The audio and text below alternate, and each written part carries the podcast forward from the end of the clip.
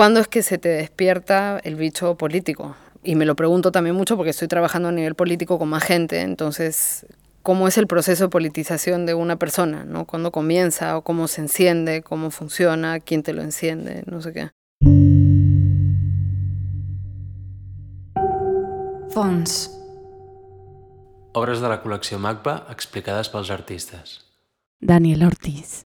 Cuando vine acá yo vine más con las expectativas de, primero de estar en una escuela que sea como digamos de puta madre y después eh, con que todo iba a ser fácil, mucho más fácil que en Perú. ¿no? Y fue completamente lo contrario. Aparte yo llegué en el 2007 y en el 2008 empieza la crisis. Entonces también un poco piña de que llegué justo un momento un poco duro. Y mm, yo a nivel personal pasé por un proceso que decía un amigo de desclasamiento, ¿no? que allá yo tenía una situación eh, medianamente más cómoda, digamos, o más protegida. Y entonces y cuando llegué acá un poco fue como shock porque no era tan protegida y no era tan cómoda. José Quiroga y yo empezamos a trabajar en el 2010. Eh, de hecho, el primer trabajo que hicimos juntos fue Antigonia y que fue una cosa muy orgánica que salió a partir de hacer, hacíamos muchos posts en Facebook sobre ciertos temas, entonces decidimos empezarlos a volcarlos a un blog y después se fue armando con el tiempo esta especie de medio de comunicación. No fue que tomamos la decisión de trabajar juntos, sino que pasó, por ejemplo, yo tuve una invitación para hacer un proyecto en la tabacalera, como obviamente no había ninguna, eh, la tabacalera de Madrid cuando estaba como ocupada, eh, no había ninguna institución detrás, ningún apoyo, le dije que me ayudara a, hacer el proyecto, le cuadró, le pareció guay, él venía de la fotografía, de la fotografía documental, que es bastante, digamos, cuadriculada también la forma de, de entender el trabajo desde ahí y empezamos a colaborar en los proyectos juntos y poco a poco eh, empezamos a trabajar en todo junto. Y después, bueno, hace un, un, par de años nos separamos y ahora estamos volviendo a trabajar juntos otra vez en algunos proyectos, ¿no? Pero para mí ha sido como, después de eso, por ejemplo, me cuesta mucho trabajar sola. Me cuesta muchísimo y, y trato de, o sea, estoy tratando constantemente de compartir los proyectos con más gente porque, por un lado, asumir, eh, como son proyectos que implican temas un poco complejos, asumirlo, la responsabilidad absolutamente sola, a veces es un poco, no sé, no, no es una situación muy agradable. Eh, y por otro lado, porque siempre lo he considerado que si es más gente hablando de este tema, pues mejor, y hay más gente que está hablando, y cuando trabajas con otra persona son dos cabezas pensando, cuatro brazos haciendo, y etcétera, ¿no? Stat Nació es la primera parte de una serie de proyectos que revisan la triangulación entre la estructura del Estado-Nación, el sistema de control migratorio y la colonialidad en el contexto europeo, sobre todo. Y en concreto, este proyecto lo que hace es revisar la reivindicación de sujetos que tuvieron roles nefastos durante los procesos coloniales en distintos eh, países del sur, pero digamos la reivindicación desde la catalanidad, ¿no?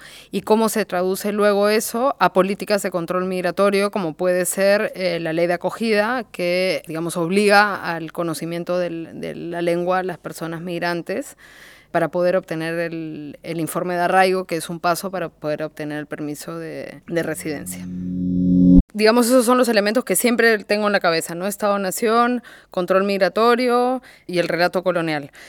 Y en concreto con este proyecto, si bien acá estamos viendo la parte de las fotografías, digamos, que es el registro fotográfico con los textos, en realidad el proyecto comienza con un video que grabamos junto con José Quiroga el 11 de septiembre de 2013, me parece que es. Y uh, fue una cosa muy, como que muy de golpe. Nosotros ya teníamos esta idea de cuestionar la normalidad con la que estaban esos monumentos en, digamos, en, el, en el espacio público barcelonés y se nos ocurrió, claro, a muchos se les reconoce como catalanes, ¿no? O sea, ahí el reconocimiento a Colón, por ejemplo, se le reconoce desde la reivindicación española, pero también se le reivindica como catalán, como también se le reivindica como italiano, ¿no? Y entonces revisamos a qué sujetos implicados en procesos coloniales se les reivindica como catalanes y salimos a grabar ese día. Lo fuerte fue que como que salimos con una idea muy básica de grabar estos espacios, después poner el subtítulo y ya. Pero cuando estábamos ahí, yo empecé a hacer la pregunta, que es la que articula todo el video, la que vincula con el tema más eh, relacionado a la noción de independencia actual, digamos, mayoritaria que se está teniendo, y era que sí, la gente que estaba reclamando la independencia ese día, estaría de acuerdo en retirar el monumento a Colón, ¿no? Y en verdad es que todos me dijeron que, que no. O sea, que les parecería. Y a mí me sorprendió muchísimo porque yo en ese momento, cuando hice ese video, no, no sabía de la, como cuán grande era la reivindicación de la catalanidad de, de, Colón, ¿no? Entonces, en cierto modo, comienza con este video. Este video, por otro lado, forma parte de una especie de otra serie de trabajos que siempre eran el 12 de octubre, o sea, siempre los 12 de octubre, eh, tanto yo sola como junto con Chose, hemos estado haciendo acciones y lo que hacemos normalmente, es, normalmente son videos. Y después hubo una invitación para hacer una exposición en la Galería Angels, y entonces ahí yo decidí desarrollar más el proyecto a partir de, ese video. ¿no? que implica la serie de fotos, que digamos es un análisis mucho más calmado, incluimos a otros eh, personajes que no estaban incluidos en, en, en, el primer video, y después ahí tuve más tiempo, digamos, de desarrollar cómo se traduce todo esto en la actualidad, ¿no? Y eso es, o como yo lo entiendo, se traduce a través de leyes y normativas que se aplican a la población migrante. Entonces, en el caso de Cataluña, eh, hay como, digamos, como una cuota de poder en relación a las políticas de control migratorio que tiene que ver con los informes de arraigo. O sea, Cataluña o las comunidades autónomas en general tienen derecho a hacer el informe de arraigo para que es el informe de integración básicamente. Entonces, el Parlamento catalán pone las reglas de cuál es el informe de, de o sea, qué, implica que tú estés integrado, arraigado en la sociedad. Y entonces para esto lo que hice fue investigar qué era, y claro, en el caso catalán, el tema de la lengua jugó un rol muy importante en ese debate desde el año 2001, porque es una cosa que viene de bastante de atrás. Y este, si uno revisa todos los debates que hubo en relación a cuál iba a ser esta especie de la, ley de acogida, el tema de la lengua, obviamente, por, por, por, la cuestión de, de, la soberanía, empezó a jugar un, un, rol muy importante siempre en el debate. ¿no? Entonces se llega a la conclusión, que otras comunidades autónomas no lo tienen en, en esos grados, de que era necesaria la exigencia del catalán a los inmigrantes que quisieran tener el arraigo. Pero como el castellano también es lengua oficial, entonces no solamente el catalán, sino el catalán y el castellano. ¿no? Ahora, yo lo que cuestiono es que, digamos, la defensa de esta exigencia del catalán se hace en el Parlamento a través de decir que era la lengua para mantener la cohesión social. Entonces que hay que exigirlo a los migrantes para su informe de arraigo y si no, pues el informe de arraigo te da negativo, ¿no?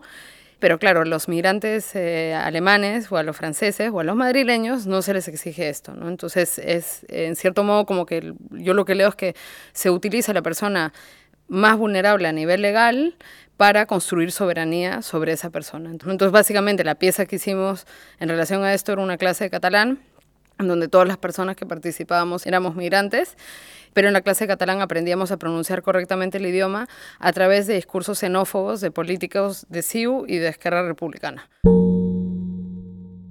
del monumento a Colón a veces pareciera que cuando lo planteas, así como que ya ni se te escucha, ¿no? Porque es como, está tan naturalizada la imagen de Colón, tanto en, en, este, en España como en, Cataluña, pero a mí como latinoamericana me es muy ofensivo ver el, el tema de Colón. Y en, en concreto... El, o sea, el de Colón es increíble ver que no es solamente que esté el monumento ahí, sino que hay un esfuerzo constante de que ese monumento representa la ciudad de Barcelona.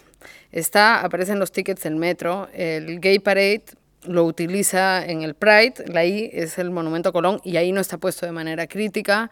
Eh, hay un montón de hoteles, restaurantes y, digamos, demás sitios que, que utilizan a Colón como un símbolo. Y por otro lado, en concreto, el Monumento Colón de Barcelona, en la base, tiene un indígena rodeado en un cura. O sea, hay una cosa, o sea, hay una imagen simbólica clarísima de la relación que quieren, eh, digamos, plantear a través de este monumento, ¿no? Y yo un poco lo que digo cuando hablo, por ejemplo, en contextos eh, pro independencia, ¿no? Que a veces saltan un poco con, con este tema, es que una gran manera de desligarse de España, y España, o sea, si tú revisas la, la como la, la, identidad española, está toda articulada a partir del, proceso colonial e imperial. O sea, la bandera, el escudo, el himno, eh, bueno, el himno no, la, la fiesta nacional, o sea, tienen 14 monumentos a Colón en España, les encanta reivindicar todo este tema. Si Cataluña saca el monumento de Colón como un acto de independencia, es decir, nosotros nos queremos desligar de reivindicar este, acto, este, este tema, olvídate, o sea, ahí haces un paso de 50 años, ¿no? A nivel, o sea, eso le, molestaría muchísimo a España, ¿no? Pero al contrario, toman la pelea de querer eh, como tener a Colón, ¿no? Que también yo creo que tiene mucho que ver con esa postura de querer ser europeo, porque Europa una de las características que tiene es los procesos coloniales. Entonces Cataluña necesita tener su proceso colonial y ya pues que sea de la mano con Colón porque tenemos un monumento bien grande, ¿no? Y después, bueno, con los otros monumentos, este, bueno, el caso de López y López como Well, ¿no? que eran empresarios, y un poco lo que comentaba antes, que, empresarios que no hicieron dinero a partir de su esfuerzo, sino de la facilidad que tuvieron de tener a gente esclavizada trabajando para ellos y que les permitió acumular muchísimo capital. Ellos son personajes como Miquel Viada, por ejemplo, que no está incluido en el proyecto porque, digamos, está más en, Mataró, que fue el que hizo la, línea de tren de Mataró a Barcelona. Y claro, todos estos sujetos eh, trajeron dinero, eh, iniciaron el proceso industrial catalán, abrieron la vía layetana. Entonces, claro, la cara hacia hacia la comunidad local era pues qué hombres tan geniales que nos han traído todo este dinero y aparte han hecho, digamos, desarrollar eh, el contexto local, ¿no? Y después, este, ¿qué más hay? Bueno, el virrey Amat, que fue virrey en Perú y en, en Chile. Aparte fue el encargado de traer, o sea, él, hizo uno de los envíos de una de las pinturas de castas, que son estas pinturas del orden racializado en América Latina. Y ese edificio se lo hizo para su esposa, ¿no? Y después él murió. O sea, por ejemplo, yo con el caso de la virreina, y de hecho estoy pensando en empezar a hacer como una especie de proyecto alguna cosa, siendo un espacio cultural, es increíble que no tenga destinado una serie de recursos a una línea de colonial. O sea, vale, ya el edificio es eso, pasó esto y lo que sea, pero si es un, un centro cultural, por lo menos que tenga, no sé, un 10% de los recursos, ya sea de programación, de económicos, o que tenga una especie de biblioteca con cuatro libros de Fanon y dos de César, ¿me entiendes? O sea, que tenga algo ahí que, que cuestione ese ese rol, ¿no? Porque aparte no solamente de, por ejemplo, cambiarle el nombre o quitarle el monumento, sino que es todo un proceso que hay que hacer de pedagógicos, hay que cambiar las narrativas que hay en los libros de la escuela. Hay que cambiar la narrativa que se tiene en un espacio como la, como la virreina, ¿no? Hay que cambiar la narrativa que se tiene de la industrialización de Cataluña, ¿no? Porque todo el mundo habla de la clase obrera como que si todo eso hubiese sido un logro de la clase obrera, ¿no? Pero, perdona, o sea, si o sea, acá había una acumulación de capital, pues que en los países del sur no la había, ¿no? Por ejemplo, en el de Chifré hay una cosa que no incluimos y que a, a, veces yo digo, bueno, en alguna otra parte que haré de este tema le incluiré, que en los, en los arcos de la casa, en cada uno de, de, la unión de cada arco, tiene uno la cara de Pizarro, otro la cara de Colón, otro la cara de Almagro. Entonces, como un agradecimiento que hace el empresario Chiffre a todos los que le fueron a abrir el camino antes para él poder hacer su fortuna. O sea, esta gente la ha tenido muy consciente, no son procesos inconscientes, no se reivindica de manera inconsciente este tipo de, de sujetos, ¿no? O sea, no. La fiesta nacional del 2 de octubre española, por ejemplo, durante la dictadura, esa no, era la fiesta nacional, eso se puso después de, de, Muerto Franco. O el Hospital 2 de Octubre de Madrid se llamaba Hospital 1 de Octubre y Muerto Franco le, le ponen Hospital 12 de Octubre. ¿no? Entonces, a finales de los 70 hay una como reactualización de la reivindicación de la identidad colonial nacional española, ¿no? Y eso, o sea, esas cosas no son gratuitas, o sea, no es porque el monumento ha estado ahí, es de piedra y no se ha caído. O sea, no, yo no creo que lo tengan por una cuestión así de porque a veces hay gente que cree que es como que, ah, bueno, ya pasó, no pasa nada, han pasado 500 años, ¿no? O sea, no, las formas de control de esas poblaciones y acá se han reactualizado y funcionan y ellos necesitan mantener esa, esa narrativa. ¿no? Hay muy poca investigación y hay muy poca información sobre el link o el punto de relación absoluta con una explotación colonial concreta. ¿no? La investigación la tienes que hacer de lo que ellos mismos relatan de sus cosas, pero siempre en su relato encuentras trampas. ¿no? Entonces, por ejemplo, en Chifré no encontramos ningún documento que digamos Chifré era un esclavista, ¿no? pero encontré un documento escrito por una especie de, no sé, cargo público español que había ido a revisar los negocios de La Habana y que hablaba del negocio de, del cuero de Chifré y mencionaba que tenía 300 operarios negros. ¿no? Entonces, era el año 1790 y no sé cuántos. O sea, en ese año era imposible que los 300 operarios negros estuviesen con contrato de trabajo. Entonces, eso sirve como una prueba de decir, este hombre se benefició de la mano obra esclava. ¿no? En el caso de Huel y de López y López, tampoco hay un documento que te diga, no, si este tenía 1.500 personas esclavizadas que le permitieron eh, la acumulación de riqueza para venir luego acá y no sé qué. Pero ¿qué había? Que cuando se empezaron a hacer la, digamos, se empezó a gestar la revolución en, Cuba para, para, la independencia y después también las personas esclavizadas en Puerto Rico y en otros sitios empezaron a organizar, acá armaron el Círculo Hispano Ultramarino y otros, otra especie de, de la Liga Nacional para defender la integridad del territorio y defender la esclavitud. ¿no? Entonces, ahí es donde encuentras, claro, que el posicionamiento de López y López y de Well era financiar este tipo de lobbies, digamos, y financiar eh, o crear, por ejemplo, el Banco, el banco Hispano Colonial, que fue creado para darle un préstamo a España para que lucharan en contra de la independencia de Cuba. Entonces ahí es donde encuentras que, claro, habían intereses económicos brutales. Y ahí sí puedes encontrar ciertos discursos antiabolicionistas, por ejemplo, ¿no? En cuanto a, digamos, cómo gestionar esta información, bueno, yo en, general con los proyectos lo que trato de hacer es como que tener una capa así simple por encima, como ultra pedagógica, lo más pedagógica posible, así que si no sabes nada de esta información que puedas entender eh, algo. Y después ya tener como, digamos, capas más complejas que tienen otro tipo, yo qué sé, por ejemplo, en este proyecto a nivel histórico también está todo el tema de que varios de estos monumentos no es solamente el tema de que sean dedicados a personas que, que tuvieron unos roles nefastos en los procesos coloniales, sino, por ejemplo, en el 36, tres de estos monumentos fueron tirados por los anarquistas y luego durante la dictadura fueron repuestos. Entonces, en materia son monumentos franquistas, ¿no? Esa es otra, otra capa. O sea, digamos, la primera que me interesa es que se te quede que estos, eh, digamos, estaban, eran proesclavistas, antiabolicionistas, lucraron con todo ese tema y después hay las, las otras capas y eso, en realidad el, el formato, pasamos por varias formas de hacerlo uno era hacer las fotos más grandes, por ejemplo, y hubo como, no sé, cuatro o cinco opciones de montaje, eh, desde impresiones inmensas para toda la pared y cosas esas, pero después llegamos a esto en realidad por una cuestión pedagógica, que era lo más número uno, con los, porque aparte están numeradas cada foto y con un texto correspondiente, porque era, no, sé, nos parecía la forma que podía ser más, más claro, ¿no? Pero después esta misma información, claro, la hemos puesto, por ejemplo, en el video del, 11, del CC13, el video del 11 de septiembre, que va de otra forma. Eh, yo lo he utilizado para la pieza que hice acá, para la recolecta de firmas, para sacar el monumento. Eso luego se ha utilizado en la página web que hicimos para eh, en contra de los monumentos coloniales. Entonces, también la información como que las vas usando de distinta forma, ¿no? El problema básico con el contexto artístico es que te ficciona todo, o sea que todo pasa a ser ficción, entonces es desesperante porque de pronto estás hablando de temas como eh, muy concretos, actuales, serios, y lo estás haciendo por, cuestiones concretas y serias, y todo pasa a ser ficcionado, ¿no? Entonces es bastante difícil eh, tratar de activar desde dentro. Normalmente, cuando se activa algo dentro del tema del arte a nivel, como digamos, rozando lo político, no te digo ni politizado, es cuando hay una censura, concretamente, y pasa por un escándalo que dura una semana y se acaba.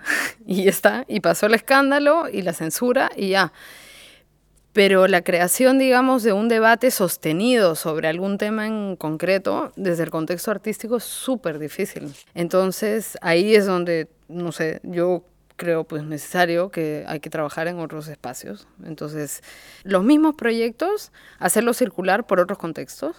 Eh, las mismas charlas que das dentro del contexto artístico o académico, hacerlas en otros espacios. Los mismos discursos, cuestionamientos y no sé qué, generarlas en otros eh, lugares, ¿no? Y en donde porque pues sí, o sea, un espacio como el museo es bien, o sea, con todo el cariño, pero con el museo como un espacio, por ejemplo, arquitectónicamente, que da hasta nervios entrar, porque es todo tan blanco, es todo tan pulcro, es todo tan, está todo puesto de tal manera, en silencio y no sé qué, que bloquea cualquier tipo de interacción con, con lo que haya allá adentro, ¿no? Entonces, este es imprescindible que si realmente quieres hacer un trabajo así que tenga, digamos, que roce las cuestiones políticas o que esté metido en eso, te tienes que meter en otros espacios y ya está. Y no solamente el espacio público, sino como tratar de, bueno, yo lo que digo, militar en otro lugar y el conocimiento, trabajo que estés haciendo, circularlo por otros lados y meterte, pues sí, eso, si hay el debate ahora que se está haciendo en los monumentos, meterte ahí al debate de los monumentos y asumir la responsabilidad que tengas que asumir dentro de, de eso, ¿no? Porque también dentro del, en el tema del arte hay una especie de como que puedes tener muy poca responsabilidad también, ¿no? O sea, tú puedes estar haciendo cosas así como súper hardcore, pero como eres artista y estás metido dentro del tema del arte, no pasa nada. Pero si te metes más en política, las responsabilidades salen a reducir mucho más rápido y más fuerte, ¿no? No te puedes, digamos, salir con la tuya así tan fácil como en el tema del arte, creo. En cierto modo, a nivel público, de debate público, los centros de internamiento extranjeros empezaron a aparecer a partir de la muerte de Samba Martínez y la muerte de Idrissa Diallo. Antes se subieron dos muertes en de Barcelona, la de Jonathan Sisa Lima y la de Mohamed Abagui, y no salió en ningún medio, nada, ¿eh? nada. Salió en medios pequeños, por ejemplo en Libre Red, medios independientes, medios emigrantes, eso, ¿no? Pero nunca salió un medio masivo de público español, digamos.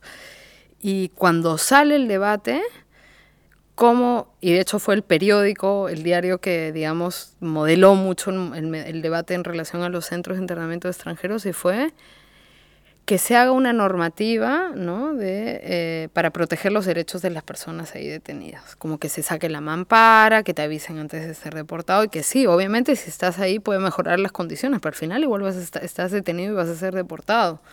¿no? Entonces... Eh, también es bien fuerte como después cuando sale ya el escándalo, cómo modelan ellos el, el debate en, en relación a, a, esto, ¿no? O mismo ahora con el debate del cierre del centro de internamiento de extranjeros. Sí, genial, pero esto tiene que ser un paso dentro de la abolición de la ley de extranjería y un paso dentro de parar las deportaciones, porque lo bestia ahí es que te deporten y lo bestia ahí es que desaparezca gente tratando de entrar a, a, a Europa, ¿no? O sea, pero o sea, sí, es un logro y es mucho trabajo y es mucho esfuerzo y hay muchas luchas ahí detrás, pero, pero el problema es mucho más, eh, más grande, ¿no? Nosotros llamamos ese cuestionamiento no, no solamente por esto de decir, ah, mira, qué interesante que usan el término ciudadano, sino llegamos a cuestionar eso porque nos parecía increíble que a pesar de la situación eh, de violencia extrema hacia la población migrante, sobre todo la población ilegalizada y la población que cruza en, frontera por el sur de Europa, etcétera, el nivel de violencia que implica muertes, desapariciones, deportaciones, sedaciones, golpes, etcétera, no estaba presente en los reclamos mayoritarios de los movimientos sociales, eh, bueno, al menos en España y en general en casi toda Europa, ¿no? Se centraban esos reclamos en educación, vivienda, eh, sanidad, pero todo vinculado al bienestar del ciudadano eh, europeo. Entonces, a partir de eso empezamos a hacer este cuestionamiento, ¿no? De eh, cómo puede ser, pues claro, que uses un término como completamente normalizado, decir ciudadano, y precisamente es lo que excluye a, todo el, el otro grupo de la población. Dentro de esto también entra todo un tema de que en gran parte, por ejemplo, si tú revisas los, eh, las normativas europeas del sistema de control migratorio, la mayoría hablan de que el control sobre la población migrante o, la, o, las fronteras externas se hace para preservar la libre circulación de los ciudadanos dentro de la Unión Europea, ¿vale? Por otro lado, entonces ya hay como que ahí se hace en tu nombre directamente, o sea, se hace en nombre de la ciudadanía europea absolutamente. Y por otro lado, se hace con el dinero de los impuestos. Y ahí entra un, como un cuestionamiento mucho más directo, es cómo pueden tener la capacidad de cuestionar que se gaste dinero público en rescatar bancos y no tengan la capacidad de cuestionar que se gaste dinero público en eh, agencias como Frontex, en deportaciones, en sedaciones, en pushbacks y en todo este tipo de, temas, ¿no? Entonces, eso es dinero público también, ¿no? ¿Qué pasa? Que claro, por otro lado, que ahí es lo que yo digo el baremo para ver quién está haciendo política y quién está sacando votos otra vez, ¿no? O sea, eh, como la población migrante no tiene acceso al voto, ¿no? O sea, y en el caso, por ejemplo, de las municipales es una población muy pequeña la que tiene acceso al voto. Entonces, el tema de migración se vuelve un tema de debate para ofrecerle a la ciudadanía.